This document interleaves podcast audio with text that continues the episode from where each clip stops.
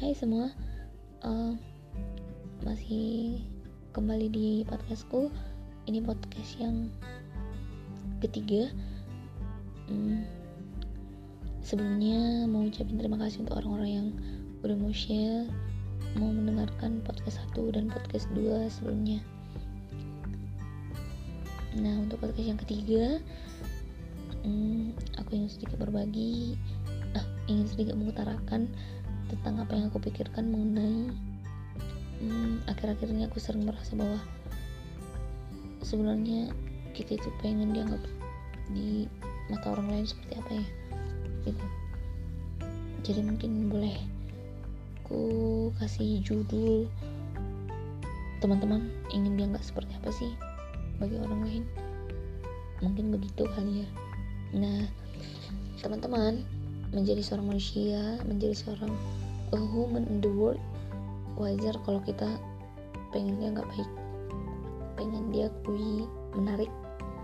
Dan tentunya siapa sih yang nggak pengen kalau kita ditahu uh, menjadi orang yang spesial menarik keren dan lain-lain. Yang pasti itu menuju ke perfect gitu ya walaupun sebenarnya nggak ada manusia yang perfect begitu. Nah teman-teman sering aku merenungi bahwa Terkadang apa yang kita lakukan tidak diketahui oleh orang lain. Dan ketika orang lain tidak mengetahui apa yang kita lakukan, justru itu akan mempengaruhi bagaimana orang lain memandang kita. Melihat kita seperti apa dan mengakui kita seperti apa, tentunya itu akan mengarah ke pengakuan dari orang lain terhadap kita. Nah, tapi intinya kita pengen dianggap baik kan?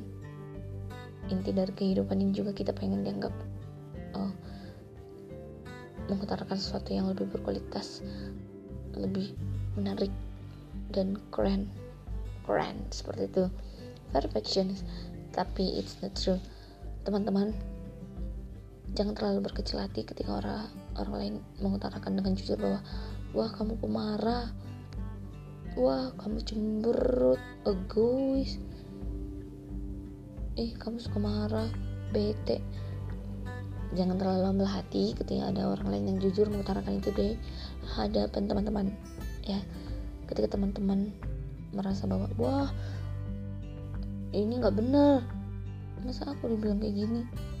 Masa dia bilang gini? Padahal kan aku gini. Padahal kan aku gini sama dia. Padahal kan aku udah lakuin ini sama kamu. Terus kamu bilangnya kayak gini? It's not true teman-teman. Sejauh apa pun kita melangkah pandangan yang salah terhadap kita tetap ada. Yang pasti jangan lupa lakukan yang terbaik. Yang terbaik tidak selalu harus diketahui oleh orang lain. Ya sekalipun media sosial ada story Instagram ada. Ya sekalipun berbagi itu ada. Ya tapi kan gak bener juga kalau setiap hal yang kita lakukan justru kita utarakan. Ya ya saran sih.